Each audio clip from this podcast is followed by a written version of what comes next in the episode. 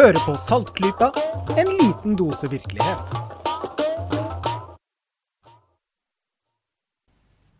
Velkommen til en ny episode av Saltklypa. Dette er episode 129. Eventuelt så kan det hende vi må kalle denne 128. Eh, når dette tas opp, så er ikke 128 helt ferdigstilt enda pga. tekniske problemer fra forrige gang. Eh, det nevnte vi også. Så med litt forbehold så kaller vi denne her 129. Eh, jeg heter Kristin, og med meg i dag har jeg Bendik. Det er jeg tilbake fra ferie, så jeg er klar til dyst. Det er helt fantastisk. helt fantastisk, og Vi gleder oss til det du har på hjertet i dag. Eh, og jeg har med meg Jørgen. Tjallabais! Og Lisha er med. Hallo, hallo. Så bra. Vi er en litt fyldigere gjeng enn det vi pleier å være. Eh, vi skal ha eh, en lenge etterlengtet eh, snakkis i dag på episoden vår. Det er nemlig tid for eh, noe som vi tar opp hvert eneste år. Nei, det er ikke Eurovision denne gang, men noe annet.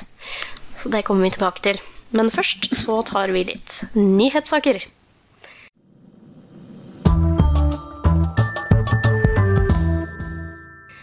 Jeg må få med mm, en liten pressemelding som kom eh, når dette tas opp for en liten uke siden. Om når NASA da kom med en liten eh, pressemelding som var litt sånn mystisk. Eh, Det var lovt eh, på mandag den 26. så skulle de kunngjøre nye, spennende funn på eh, eh, Europa. Og da ikke verdensdelen, men Jupiters måne. Europa. Den kjenner vi jo alle til, gjør vi ikke det? Selvsagt. Å jo. Ja, det er godt å høre. Det er godt å høre. Og det regner jeg med at de som hører på, også kjenner til. Um, og det var mye det- Og det var liksom var- Det var ikke noe mer enn det, da. Det var liksom bare følg med på mandag. Og det var liksom spennende eh, implikasjoner og greier da, på dette her. Og eh, resultatene viste seg å være ganske spennende også. Um, lenge så har man jo eh, da altså, hypotisert, altså postulert at, eh, at Europa har et, da, et vann under overflaten sin. Den har jo sånt kjempetjukt islag. Og så kan man da eh, se på sammensetningen her og regne seg frem til at den må ha et eh, enormt hav, rett og slett. da. Eh, masse, masse vann. Mer enn de fleste steder, egentlig. Så, men man vil jo gjerne finne ut om det er helt sikkert. Det er jo ikke bare Man vil jo gjerne observere det også. Og det mener man eh, nå å ha gjort, og det har eh, månen Europa hjulpet oss med, ser det ut til. Um, og da har man faktisk um, oppdaget sånne vanndampsøyler som spruter ut, altså sånne rett og slett geysirer. Eh, Det er en annen måne i solsystemet, enn Segadus som er veldig kjent for å ha geysirer. Uh, ikke av vann, men uh, nå, nå viser det seg at Europa har altså har forekomster av sånt. Og eh, det som er litt gøy med dette, her, er det er faktisk eh, romteleskopet Hubble som har eh, hjulpet til med å gjøre den oppdagelsen her. Det er jo ikke Altså, sånne ting på den avstanden, på den skalaen, er egentlig ganske vanskelig for et teleskop som Hubble å observere. Hubble er veldig god på å ta litt sånne store, detaljerte bilder av ting litt lenger borte enn det. Så det ligger helt på grensa av hva Hubble kan eh, se. Men uh, der har vi det altså. Uh, det er geysirer på Europa, og det som er den store fordelen med at vannet kommer litt ut av overflaten, det er at nå slipper vi jo egentlig, selv om det hadde vært gøy, å dra dit med en kjempestor drill og drille ned for å finne dette vannet. Veldig Aha. Det man kan gjøre nå, er jo også fly forbi, rett og slett, og gjennom en sånn geysir og ta litt prøver og sånn. Det er langt enklere. Men er det hyppig nok til at det er gjennomførbart, eller blir det sånn at du må fly rundt i 100 år i håp om å treffe en geysir? Ja, nei, man må sikkert kartlegge ganske mye mer, da, for å se hyppigheten av dette her, og ja, og vite, kanskje komme med noen prediksjoner, og hvem vet, kanskje det er noen sånne faste punkter, hvor det slippes litt, slippes litt damp ut, bokstavelig talt. Ja, sånn som i Yellowstone, hvor bare kan stå og vente lenge nok, så kommer det garantert et utbrudd. Ikke sant? Nei, så her er det faktisk snakk om eh, sånn direkte avbildning av dette her, og det, det blir mye spennende vitenskap ut av. Veldig, veldig bra. Jeg Kult. tenkte å ikke holde et langt foredrag om det, men også nevne noe som eh, gikk for seg i går. Jeg vet ikke om dere fikk med dere eh, foredraget til eh, vår alles kjære Elon Musk i går.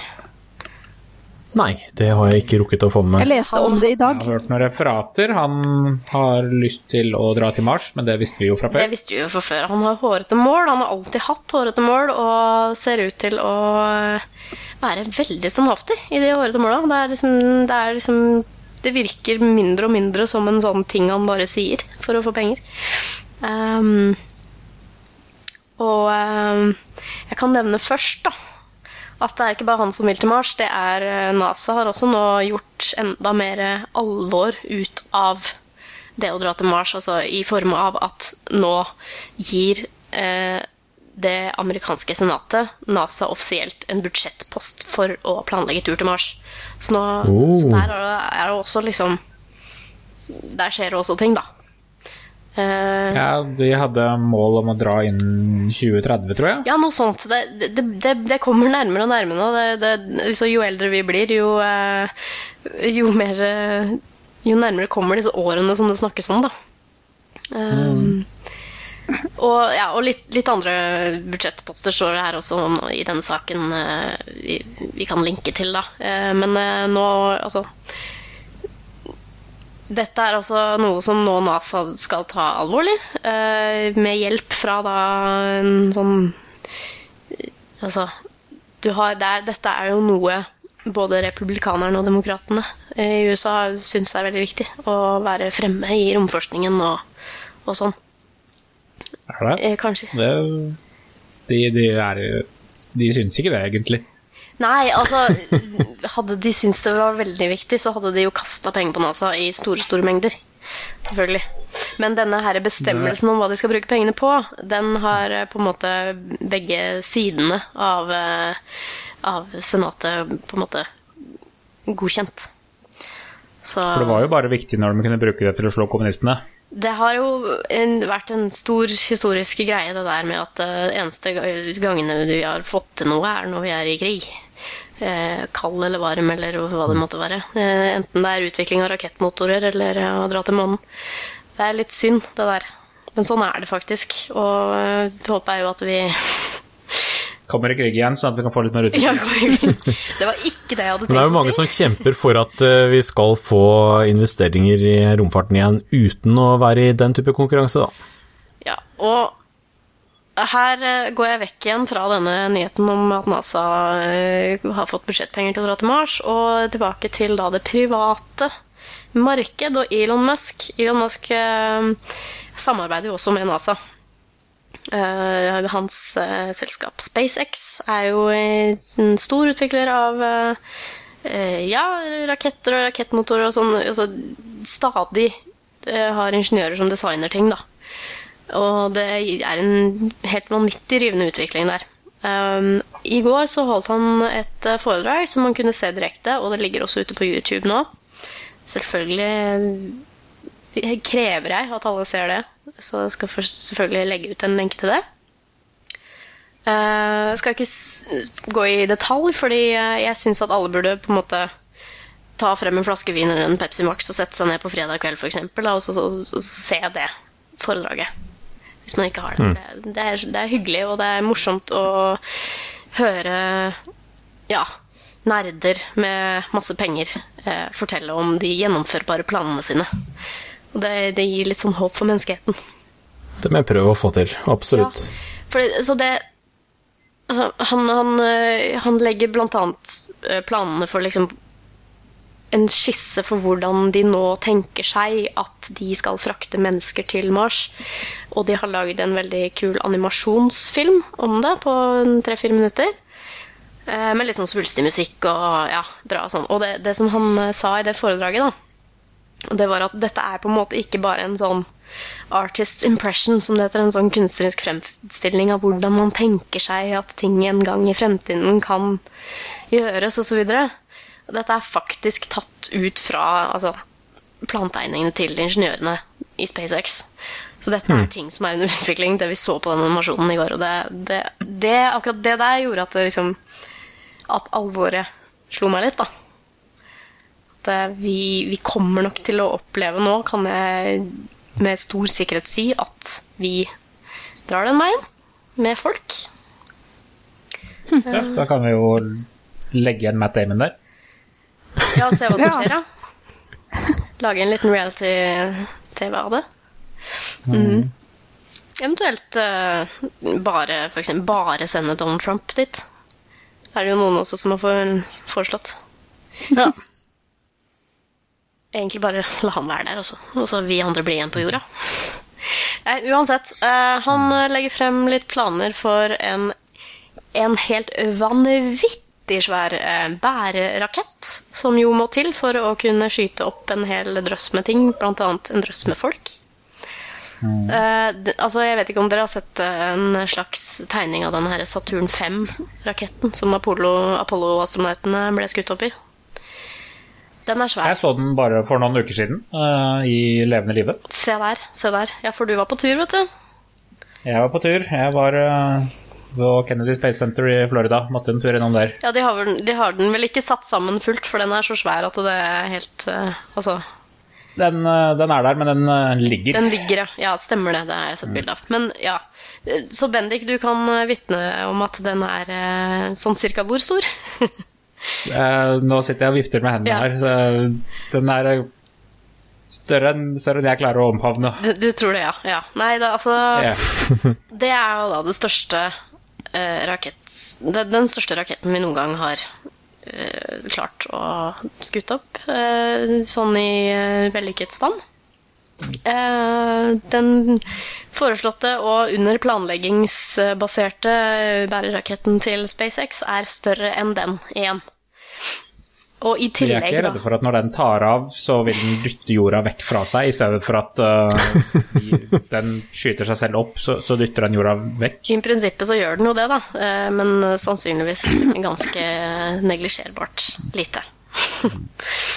Eh, Men ja, i tillegg til størrelsen så driver de jo nå og både utvikler og tester ny eh, motorteknologi for denne bæreraketten her. Eh, De kaller den for Raptor. Og de har nylig testet eh, denne motoren også. Og ja, dette er motoren som skal frakte mennesker til Mars. Det er det som er planen. Og den, ja, det er jo ganske vilt å se på når de tester sånne rakettmotorer.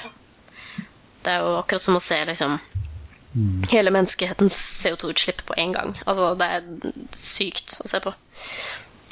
Hmm. En annen ting han eh, går Det, ganske det, var, det var den biten du valgte å fokusere på, CO2-utslippene. nei, det er, det er bare sånne det, er sånne umiddelbare tanker jeg gjør meg. Sånn veldig kult. Og, og så tenker jeg herregud, hva er utslippene på denne her? Det må jo være helt forferdelig. Min, mindre enn en Dreamliner som flyr eh, herfra Ja, til USA. ok.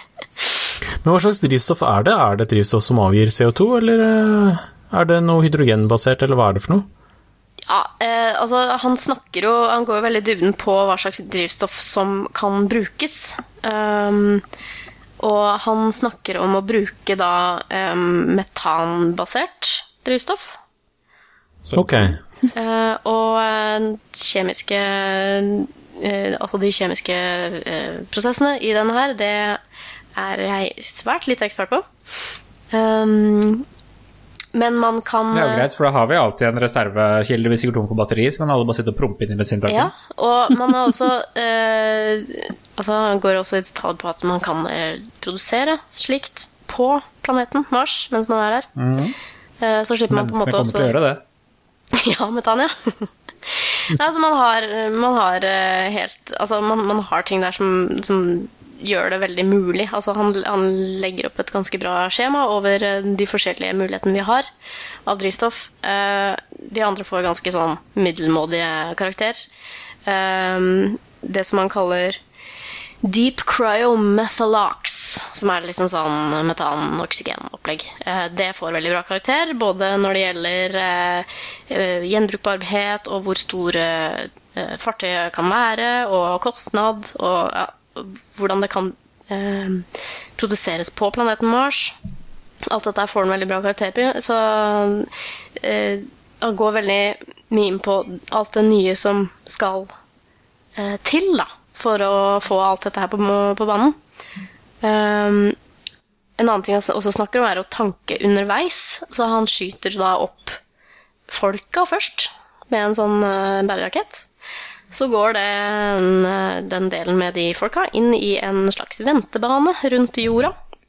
Mens da bæreraketten, uh, den blir da uh, fraktet ned på jorda igjen i en sånn elegant SpaceX. Lander perfekt på plattformen med rumpa ned, sånn som de allerede har gjort.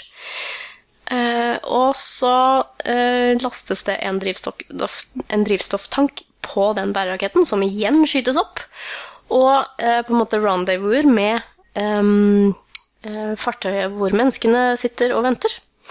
Og tanker da opp for turen til Mars. Så det er sånn Veldig egentlig ganske enkelt prinsipp med gjenbruk av rakettmotorer, som jeg har snakket om før. som er på tide at man får uh, Det er bare veldig, veldig mange detaljer som kan gå gærent?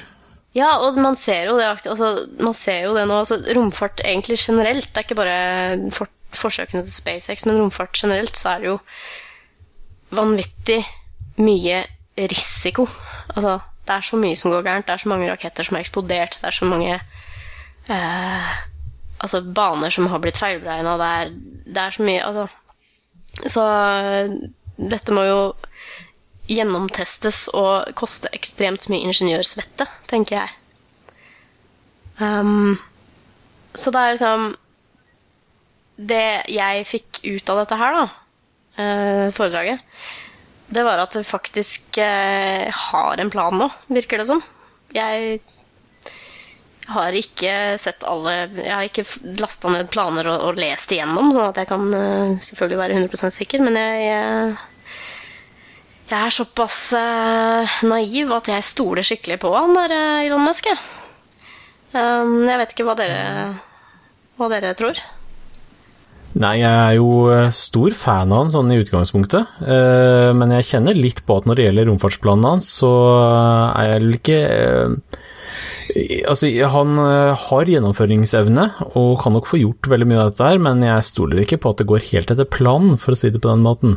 Fordi uh, det største problemet her er jo selvfølgelig finansiering, ikke sant? Det er jo uh... Ja, og selv om han er rik, så ja. finansierer han ikke dette sjøl. Han må ha masse investorer. Må ha masse investorer. Så... Dette er jo privat, dette her, og han må ha en ekstremt solid businessplan kanskje historiens mest solide for å få dette til å funke. Ja, det er muligens historiens største prosjekt, så det vil jo ikke være urimelig. Han altså, det han, eh, han, legger stor vekt på også i foredraget sitt, er at eh, en, en, kolonisering av planeten Mars eh, det er bare mulig om eh, man reduserer kostnadene med Var det mer enn fire størrelsesordener? Altså. Oi. Det er ganske Altså 10 000 ganger, vil jeg si. Så derfra er veien ganske lang. Eh, men vi er jo allerede på vei med f.eks. denne her gjenbrukbarheten av rakettsystemet. Eh, og det som jeg har vært innpå med liksom, ja, påfyll av drivstoff underveis. Og det at man har riktig drivstoff. Alt dette her, da. Hmm. Ja, så det er et sitat som går rundt på Facebook nå. Noen som har klistra det på en veldig fin eh, astronomisk bakgrunn og deler det rundt på Facebook. Det er jo sånn man gjerne gjør. Fint bilde med motiverende tekst. Som er et sitat av Elon Musk eh, fra dette her, og eh, jeg kan lese det sånn avslutningsmessig. Han sier det at I really don't have any other motivation for accumulating assets except to be able to make the biggest contribution I can to make life multiplanetary. Så hvis vi skal eh, ta hans ord eh, på det, så er jo det veldig lovende. Tror jeg. Hmm. Nok om det. Det vil si eh, Jeg håper at Saltklypa fremdeles eksisterer når vi er på vei til Mars. Men eh, nok om det for denne gang. Lisha? Vi skal nok være på et av de første skipene vi er med å ha livesending. Livesending snart. Å, fy søren. Oh my god. Bare, for, bare fra banen, liksom. Det hadde vært fantastisk.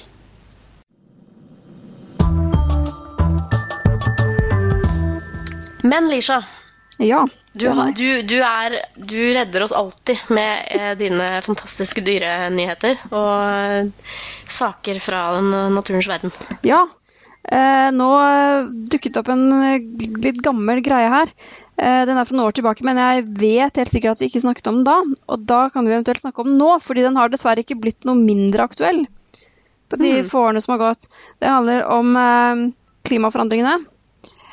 Som, som vi vet, da, så påvirker det sannsynligvis andre arter foreløpig mer enn det påvirker oss. Eh, For det finnes mange dyr som er eh, hva skal man si, spesialiserte. I den grad at eh, det skal veldig lite til da, før leveforholdene blir sånn at de ikke klarer seg. Rwanderne eksempel, klarte jo å utrydde en vannlilje ved å drenere én dam. For den levde bare der. En, hele arten Mm. forsvant når den dammen forsvant. Heldigvis så hadde man 20 frø eh, lagret et eller annet sted, så nå fins det noen få planter av den i Kew Gardens. Men i det fri så døde den ut da når bare den dammen ble tømt. Um, og det her da, taket nå, det handler om eh, hvem som kommer til å overleve eh, hvis det oppstår liksom en større katastrofe da, i forbindelse med klimaforandringene. Eh, fem arter, eller sånne små artsgrupper, som er de mest sannsynlige overleverne av en eh, sånn stor katastrofe. Eh, og det er vel ikke noe spoiler da, å si at vi er ikke på den lista. Eh, men kanskje dere kan gjette noen andre som er det? Altså fem? Én er vel ganske gjennom populærkulturen ganske veletablert. Kakerlakker. Ja, kakerlakkene. Eh, de overlever. Eh, man har f.eks.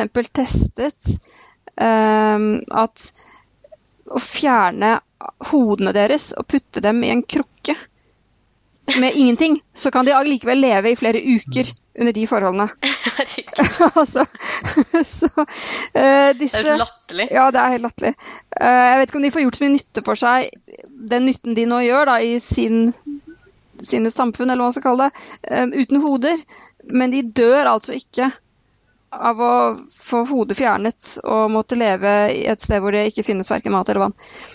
Um, så ja, de eh, kakerlakkene, de kommer til å eh, De er høyt på lista over de som kommer til å klare seg. Mm. En som også er ganske åpenbar, da, det er selvfølgelig alger. Ja, ja. Mhm. De er veldig eh, Hva heter det på norsk? Versatile. Eh, Det finnes over 200 000 forskjellige typer. Det er bare de som vi kjenner til, så det kan jo finnes utrolig mye flere. Eh, Og de har jo Dette er en skapning som har sannsynligvis eksistert siden evolusjonen tok til. Og det, de er jo, Hver alge er bare én celle. Og de trenger bare bitte litt grann vann, bitte litt grann sol og bitte litt grann av et eller annet næringsstoffer. Så algene, de kommer nok til å overleve det meste. Hmm. Og videre i planteriket, Jeg mener jo at uh, Ja. mennesker kommer også til å overleve det meste. hvem overlever det meste, sa du? Fordi vi har Ja, fordi vi har aircondition og eh, kunstig uh, produksjon av ganske mye rart som vi trenger for å leve. Kunstig lys. Vi har aircondition og kunstig lys. Det, da behøver vi stort, ikke stort mer. Ja, jeg ser en liten svakhet i den planen.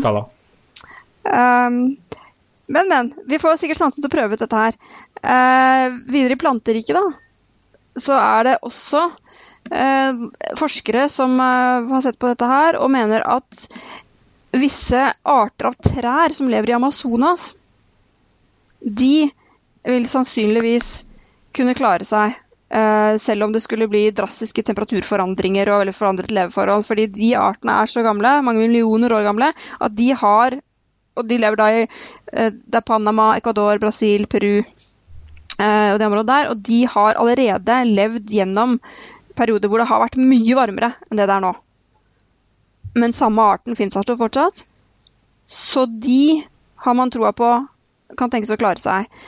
Men så handler det da De har jo andre problemer enn temperaturforandringer. De har jo avskoging uh, som et Ja, langt større problem.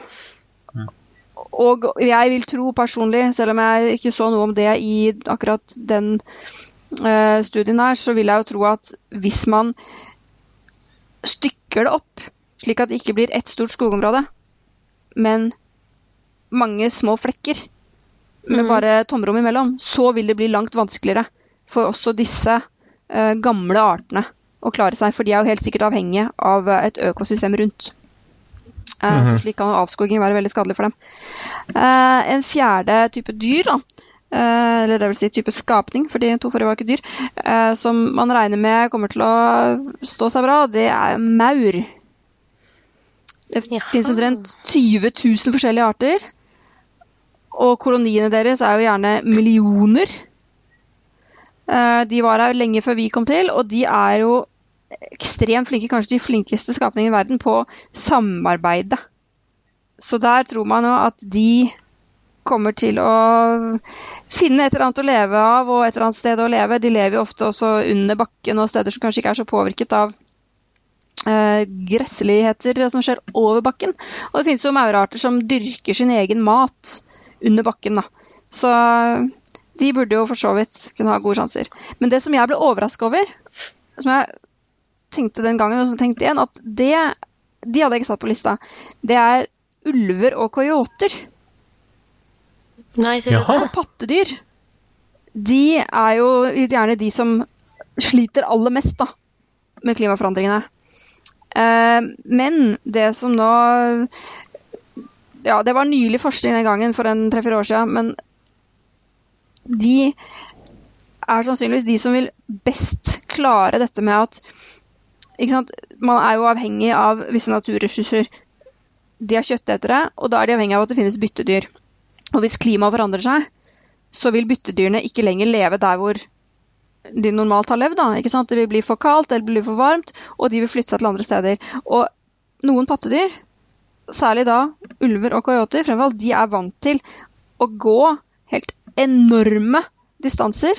Det er helt normalt for dem å bare gå og gå og gå og gå eh, for å finne mat og vann eh, og eh, trygge leveområder. Slik at de vil ikke tenke at det er? Det vil ikke være slitsomt for dem, for de er helt utrolig seige. Og det vil ikke være noe unaturlig for dem å begi seg ut på sinnssykt lange vandringer for å på en måte følge etter maten.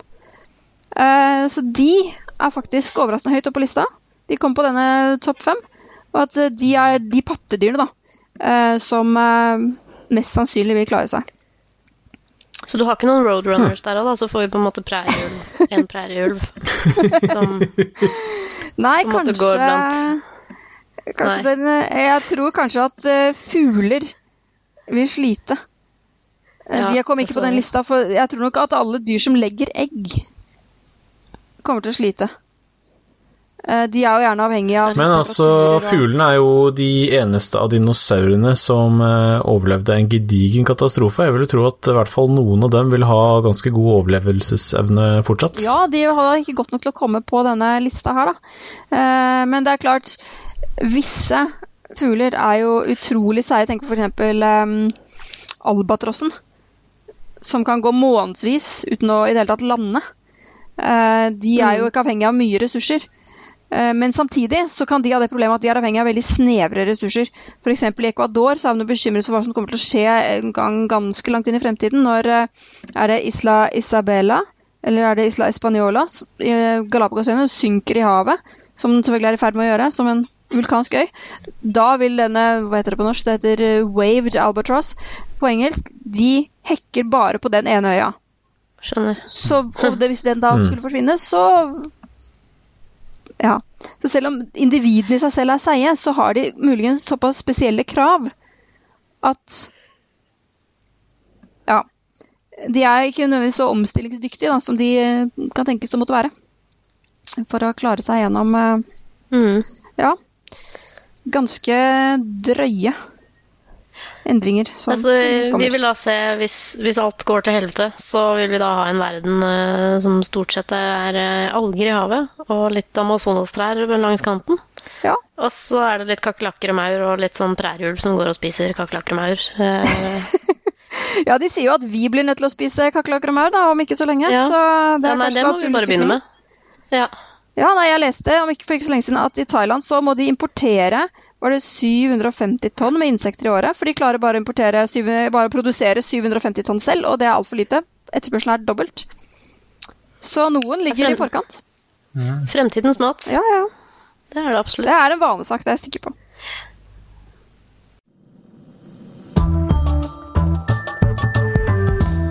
Bra. Bare. Eh, Du hadde en eh, nyhet til, du, Lisha. Jeg hadde det. Nå vet jeg ikke helt hvor eh, Nå kommer det litt an på for lytterne om de har fått muligheten til å høre på vår episode 128, eh, hvor vi snakket om eh, triste nyheter for elefantene. For nå har jeg en god nyhet for én elefant, i hvert fall. Eh, men en god nyhet er jo alltid en god fint, nyhet. Jeg vet ikke om dere husker, For et par år siden så var det en elefant som eh, ble reddet fra der han bodde. Det var noen mennesker som brukte ham til ting som elefanter ikke liker. Eh, og han ble reddet av et sånn rescue-greie i India, og han Ja, om han virkelig gråt gledestårer, som folk skulle ha det til, men han gråt i hvert fall. Tårer rant fra øynene hans, denne Raju. Uh, og han fikk heldigvis et godt liv, selv om han var ganske gammel. så det spørs hvor lenge det varer. Men i hvert fall, han bodde sammen med en annen elefant. De sto Ja. lenket sammen inntil hverandre. Eh, og de er sannsynligvis ikke i slekt biologisk, men mange tenker jo at de er som brødre nå, da, etter at de har levd sammen i mange, mange år. Og han skulle også ha blitt reddet. Uh, han har jo da, som Raju, levd Han ble hentet uh, Hentet, sier jeg. Eh, kidnappet eh, fra jungelen da han var en liten baby. Og han har jobbet Delvis har han tigget på gaten, og delvis så har han jobbet da med å flytte på tunge ting og slik som elefanter gjør bra. Men han var blitt flyttet da de kom for å hente Raju. Han var borte. Eh, og når han senere ble funnet, så var det endeløse anker i retten og protester da på eiernes side. Men nå er han også reddet. Etter to år. Han er omtrent 55 år gammel. Uh, og helsa hans er veldig dårlig, for han har ikke blitt behandlet slik som han skulle. Han har stått på hardt gulv, og han har vært lenket, og han har jobbet veldig hardt. Så hvor mange år han har igjen, det er ikke godt å si. Uh, men nå skal han i hvert fall få leve de årene uh, på et trygt sted hvor han skal få være så fri som de kan la han være, og få all maten han trenger, og helsestell som han trenger veldig. Så fint. Hvor det- gammel blir elefanter, sånn cirka? Eh, De blir omtrent så gamle som oss. Mellom 70 og noen og 70 år, det er eh, forventet levetid. Men selvfølgelig, de har veldig skjøre unger. Eh, Så høy i, i fangenskap, da. Hvis man ikke tar godt vare på dem, så synker levealderen veldig drastisk gjennom at de har uh, Ungene dessverre ikke, ofte ikke klarer seg. Uh, slike små som blir tatt uh, i sånne såkalte cows i Afrika og hentes gjerne til dyrehager og sånn i Kina, de har en dødelighet som ikke ligner grisen. Det er helt forferdelig. Så hvis de får godt stell, så kan de leve i over 70 år. Så det er mulig at han har fortsatt i hvert fall ti år igjen. Det kan vi håpe. Men han er da Han er ikke i god helse, men nå gjør de det beste de kan for han da, i hvert fall. Så det var en god nyhet. Jeg liker at du Ja. kommer med sånne små lysglimt innimellom. Ja. Det er jo, hjelper ikke arten så mye, men for akkurat denne Mohan, som han heter, så tror jeg det kommer til å gjøre en enorm forskjell. Ja. Og kanskje det sånt kan hjelpe med litt, eh, litt opplysning om emnet også. Ja, absolutt. absolutt. Det, er, det er jo i India, da, hvor han lever, og hvor denne redningsorganisasjonen lever, så er det jo mange elefanter som blir brukt på sånne ting som han blir brukt til. Men det er også mange som jobber for å hjelpe dem, og det er en stadig økende bevissthet om hva de trenger, og hva man bør og ikke bør gjøre med dem. Så det er jo sånne turistattraksjoner og sånn, og så finnes det ofte restriksjoner på hvor mye de kan jobbe, hvor mange eksempel, turer de kan ta med turister og sånt. Så det er Det går jo fremover. Det gjør det. Da får man sånne hyggelige historier som denne her. Absolutt. Takk for det. Det var eh, det vi hadde i litt sånn eh, oppdateringenes verden.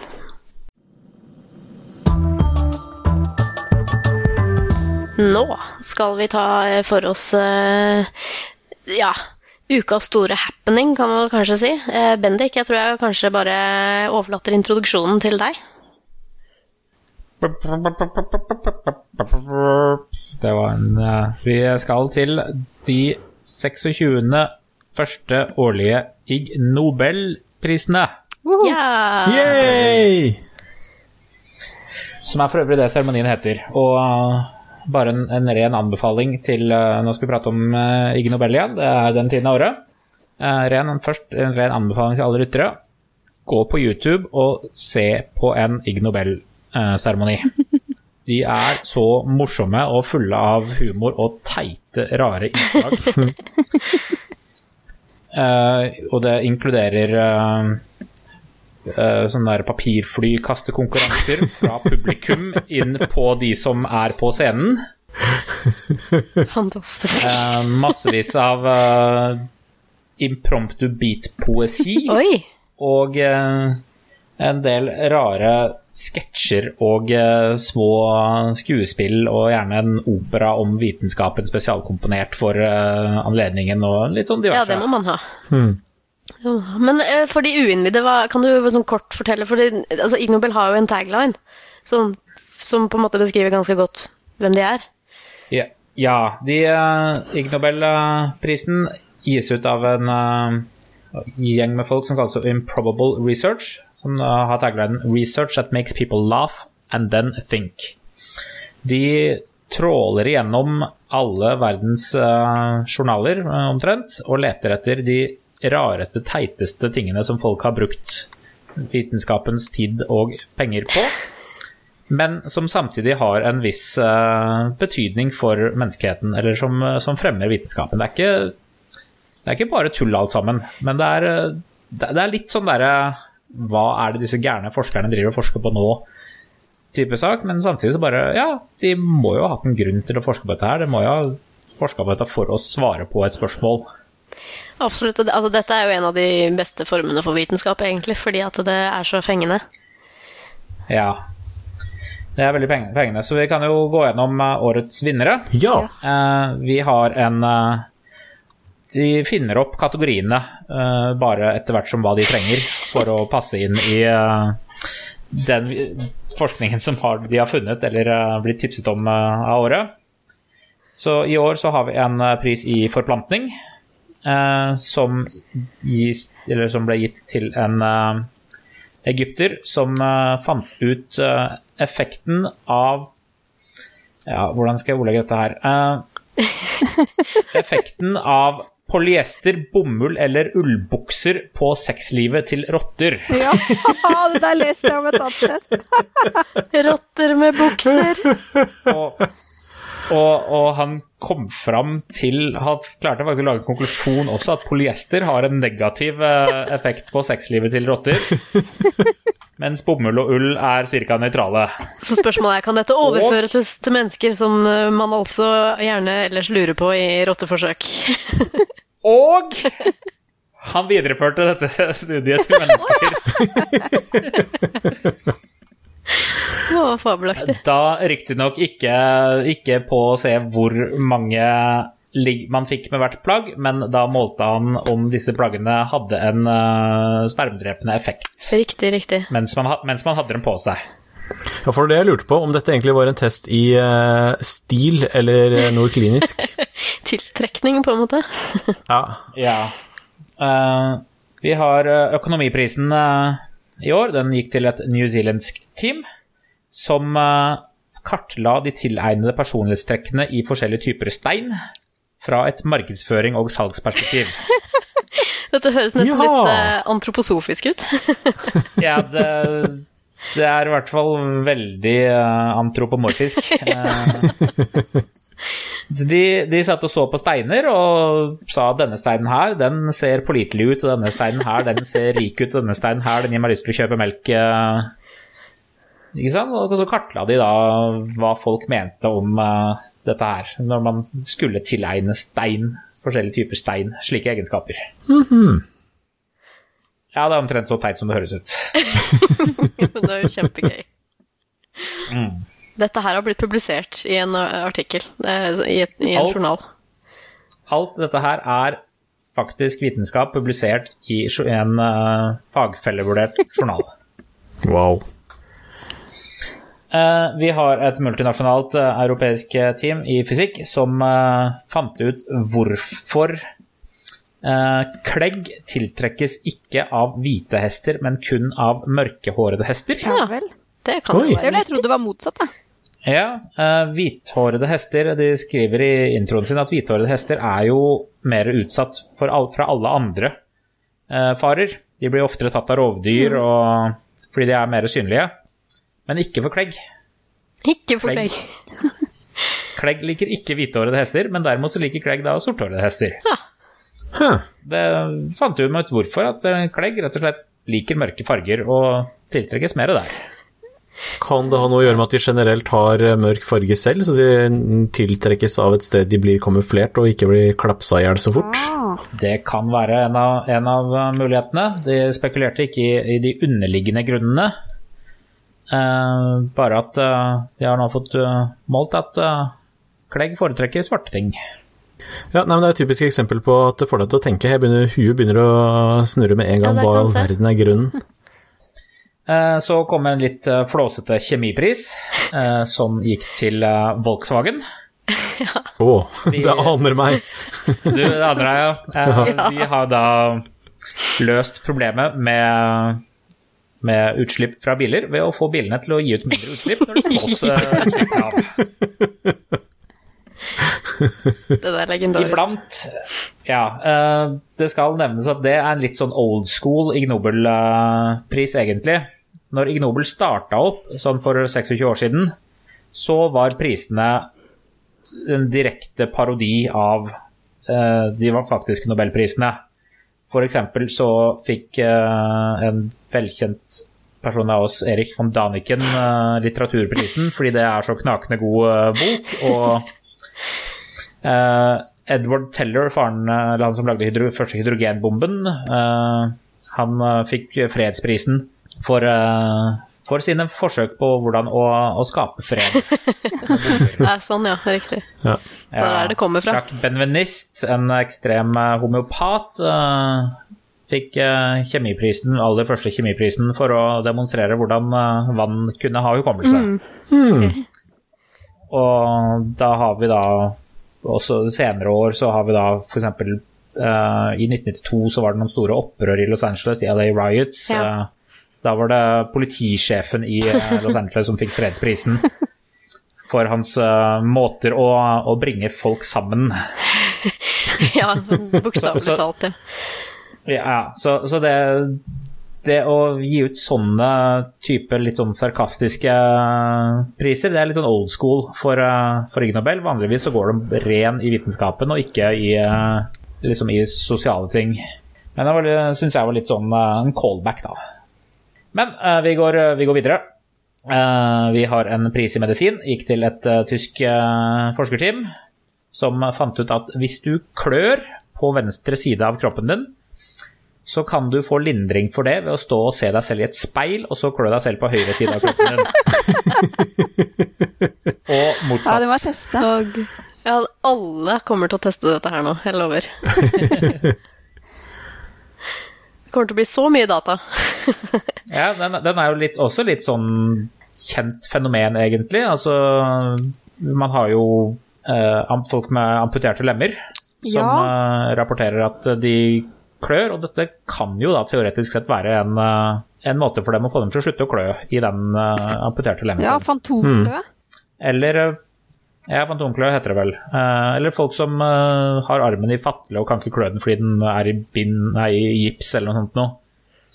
Det er jo også et problem for folk. da. Hvis de da har funnet en teoretisk måte å få lindring eh, der, så er det bare Men hvis du har den ene armen i fatle eller gips eller noe, så kan du jo ikke klø deg. For da har du bare én hånd. Du kan få Noen andre til å klø deg. Ja. Poenget her er vel det at det er eh, Vi kan bruke synet til å lure følelsessansene andre steder i Ja. kroppen. Det er jo Ja. genialt. Eh, vi har en eh, årets pris i psykologi. Går til et multinasjonalt team fordi For de spurte 1000 løgnere om hvor ofte de løy. og så Så Best jeg fant ut om de kan stole på svaret eller ikke.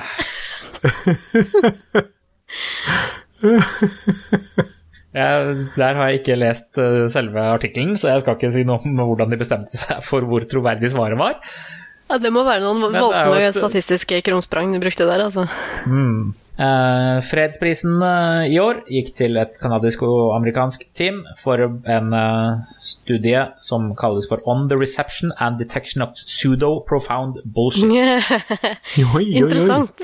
Hva er nå dette? Ja, og ja, pseudo-profound bullshit, det er Deepak Chopra-lignende prat. Ah, den saken der, ja. Ja, den var jo mye i nyhetene for mye kan være. Halvt, tre kvart år siden. Ja.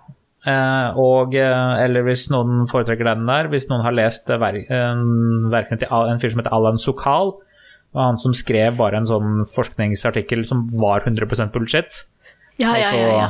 riktig. Og så sendte han inn til et uh, psykologtidsskrift og fikk den publisert. Og bare for å bevise at her foregår det bare bullshit. Veldig, veldig viktig, egentlig. Mm. Så, så de skrev en artikkel om uh, hvorfor vi uh, ikke, ikke er så gode på å gjenkjenne ja, sånn bullshit som høres oppriktig ut, eller som, uh, som høres fancy ut. Mm. Eh, årets biologipris gikk til eh, en person som eh, levde som en grevling i et år. Hæ?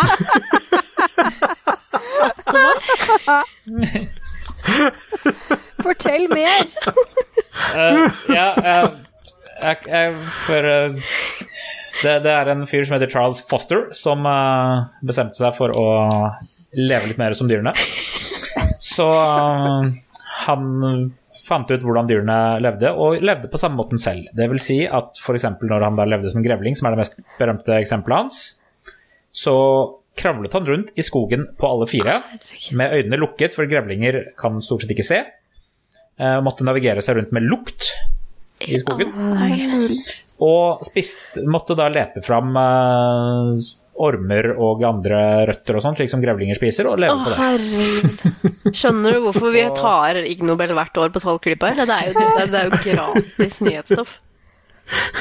Uh, jeg vil komme med en tidlig, uh, tidlig anbefaling, og at uh, faktisk nå bare for en uke eller tre siden, i en, nå husker jeg ikke nøyaktig hvilken, men i en episode av podkasten This American Life, så er det et eh, intervju med, med denne personen, og han beskriver det veldig, veldig bra.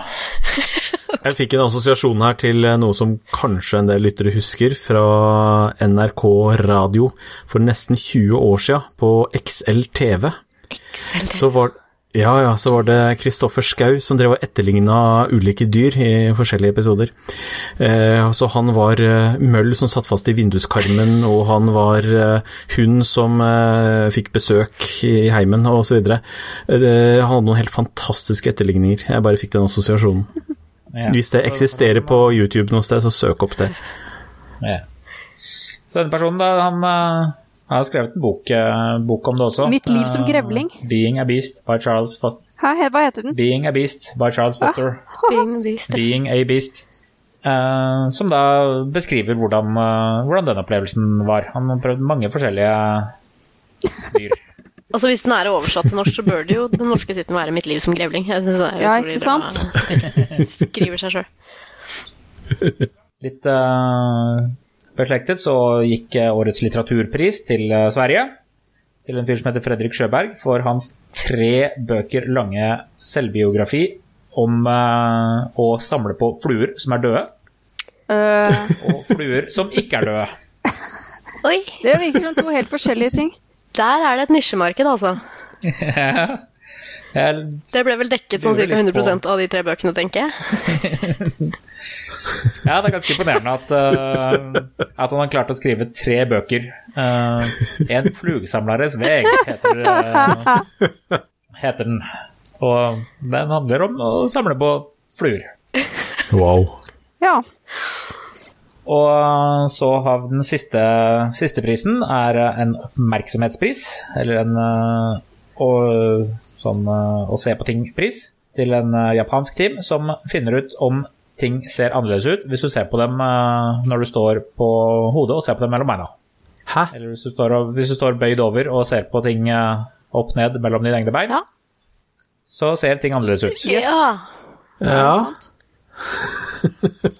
ja, nei, det må jo være Det er jo en bunnsolid konklusjon, kan jeg jo kanskje si, da. Ja. Det her er jo et, eh, et kjent fenomen for oss astronomer. Ja, ja, ja, ja. ja. Fordi eh, om, eh, når månen er veldig lav på horisonten, så ser månen veldig stor ut i forhold til hva du er vant med å se den eh, når den er høyt oppe på himmelen. Men da kan du klare å fjerne den. Den, den er faktisk ikke så stor som den ser ut til når den er på horisonten. Nei, den ser er helt like stor ut, ja. Mm. Mens hvis du, en av måtene du kan bekjempe den effekten eh, da, er å da snu deg rundt, bøye deg over og se på den gjennom dine egne bein, så vil du se den i kall det riktig størrelse. Da mister eh, øyet resten av eh, konteksten den har for hvor stor den burde være. Kontekst er alt når det gjelder å se ting på himmelen, altså. Hmm. Det er den der horisonten som er i veien. Spesielt hvis det er trær eller bygninger. Så det var eh, årets Ig Nobel-priser. Ja, Det var stor, Jeg fikk i hvert fall to gode lottere der, jeg, så stor kvalitet i år, vil jeg si. jeg anbefaler folk å, å se Ig Nobel-seremonien. Den, er- den er kjempemorsom. uh, bare gå og gjør det. Slutt å høre på oss nå, og så går du på YouTube i stedet og finner en Ig Nobel-seremoni. okay. ja, det er jo det er helt fantastisk, eh, og det er jo ikke tvil om at vi kommer tilbake til det neste år. En, Ja, en veritabel gullgruve av ekte vitenskap som bare er helt hysterisk morsom. Mm. Sånn eh, like før eh, folk tar Bendik sitt eh, forslag på alvor og går bort til Rignoel på YouTube, så tenkte jeg kanskje jeg skulle få slengt inn noen anbefalinger. Um, jeg nevnte tidligere at eh, SpaceX i går hadde eh, publisert en liten animasjon om hvordan, har tenkt, hvordan de har tenkt å sende mennesker til Mars. Jeg syns den er verdt å se, eh, og eh, så, i tillegg til altså, da Elon Musks foredrag i sin helhet, så bare den lille animasjonen er ganske kul. Jeg, så jeg bare anbefaler den, jeg, egentlig.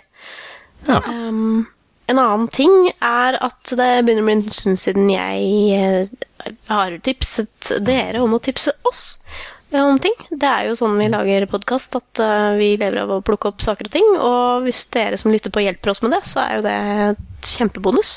Pluss at dere kan være med og liksom bestemme litt om hva vi skal ha om, rett og slett. Så enten det er saker Ja, Det er kanskje ikke så ofte at vi siterer direkte lytterspørsmål, men det hender vi plukker opp temaer fra det, og vi har en eh, liten serie med lytterspørsmål som vi bare venter på den rette anledningen Ja. til å ta en ordentlig gjennomgang av. Definitivt. Så vi, eh, hvis noen føler at vi har ignorert dere, så beklager vi det, men det kommer stort sett svar på spørsmålene sånn med tid og stunder. Det må bare Stjernekonsentrasjonene Stjernekonstellasjonene må stå i riktig posisjon, så kommer det. Nå sist var det jo en egen episode dedikert til et lytterspørsmål eh, om eh, hvor vi fikk inn en eh, gjest, stemmer ikke det? Jo, Da Ja. var ikke jeg til stede. Vår Men, ja. Det ble veldig bra. Mm. Så det er eh, Det må da være stas å eh, på en måte få litt dypdykk i det man lurer på via podkast. Så jeg, jeg råder dere til det. Um, og så kom jeg på en eh, siste ting i siste liten som eh, har blitt eh, også kunngjort i dag. Det er skeptikere på puben Oslo, som vi alle vet driver og hjelper til litt med. De ser etter nytt krutt. Vi vil ha litt liv i holdt på å si, styret sitt, så de har lagt ut et lite innlegg i dag om eh, som, som kan leses og deles med de man tror er interessert. For de som bor i Oslo-området, så hadde det vært kult hvis noen eh, nye hadde lyst til å være med og lage skeptikertreff. Så jeg tenkte jeg skulle bare Ja, Det er vel ikke veldig mye jobb du som driver med dette her? det er jo ikke mye jobb, vet du. Det er egentlig bare gøy. Det er snakk om å eh, finne et sted og eh, booke et bord, og så invitere masse folk på Facebook. Og så drar man dit, og så har det gøy og drikker en øl eller eh, en brus, og så snakker man om masse ting med masse likesinnede mennesker. Det er egentlig det det er.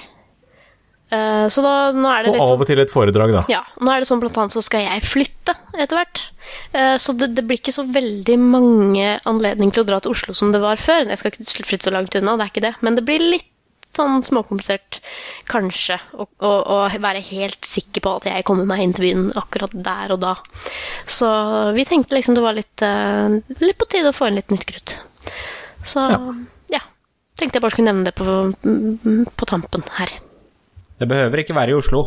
Nei, det behøver ikke være i Oslo, men Vi oppfordrer jo til, eh, til treff i alle byer eh, og tettsteder i Ja, folk kan lage sine egne treff også, det er jo ikke noe problem. Nei, både i. Oslo og andre steder. nå gjaldt dette spesifikt skeptikere på puben Oslo, men altså, jeg, det har jeg også sagt før her på, på Saltklypa, at uh, jeg bruker Saltklypa som en sånn liten megafon til uh, sideprosjekter. Uh, og skeptikertreff, altså sånn treff hvor folk som er interessert i vitenskap og uvitenskap og myteknusing og sånn som egentlig vi er her i Saltklypa, tenker jeg. Eh, I det ganske land. Altså, det er et sånt skikkelig lavterskeltilbud å samle seg og snakke om ting. For det er kanskje ikke alle som kjenner så mange som har sånne rare interesser. Så da er det kult å finne en liten arena hvor man kan sitte og slappe av og ha det skikkelig uformelt. og og sånn. Så det er ikke noe sånn pes å starte en sånn litt sånn mer eller mindre jevnlig, kanskje månedlig eh, treff i sin, sitt hjemsted eller sin hjemby. Så det er selvfølgelig også anbefalt. Men jeg skal eh, legge, til, legge ut dette her innlegget som ble skrevet i dag, på Skeptikere på puben Oslo sin side. Så får vi se om det blir noen uh, interessenter.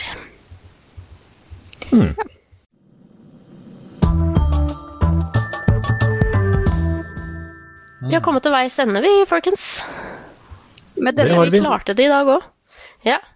Eh, vi eh, krysser fingre for at dere allerede har hørt episode 128. eh, det som skulle bli 128 eh, før dere hørte dette. Eh, det, vi satser hardt på det, altså.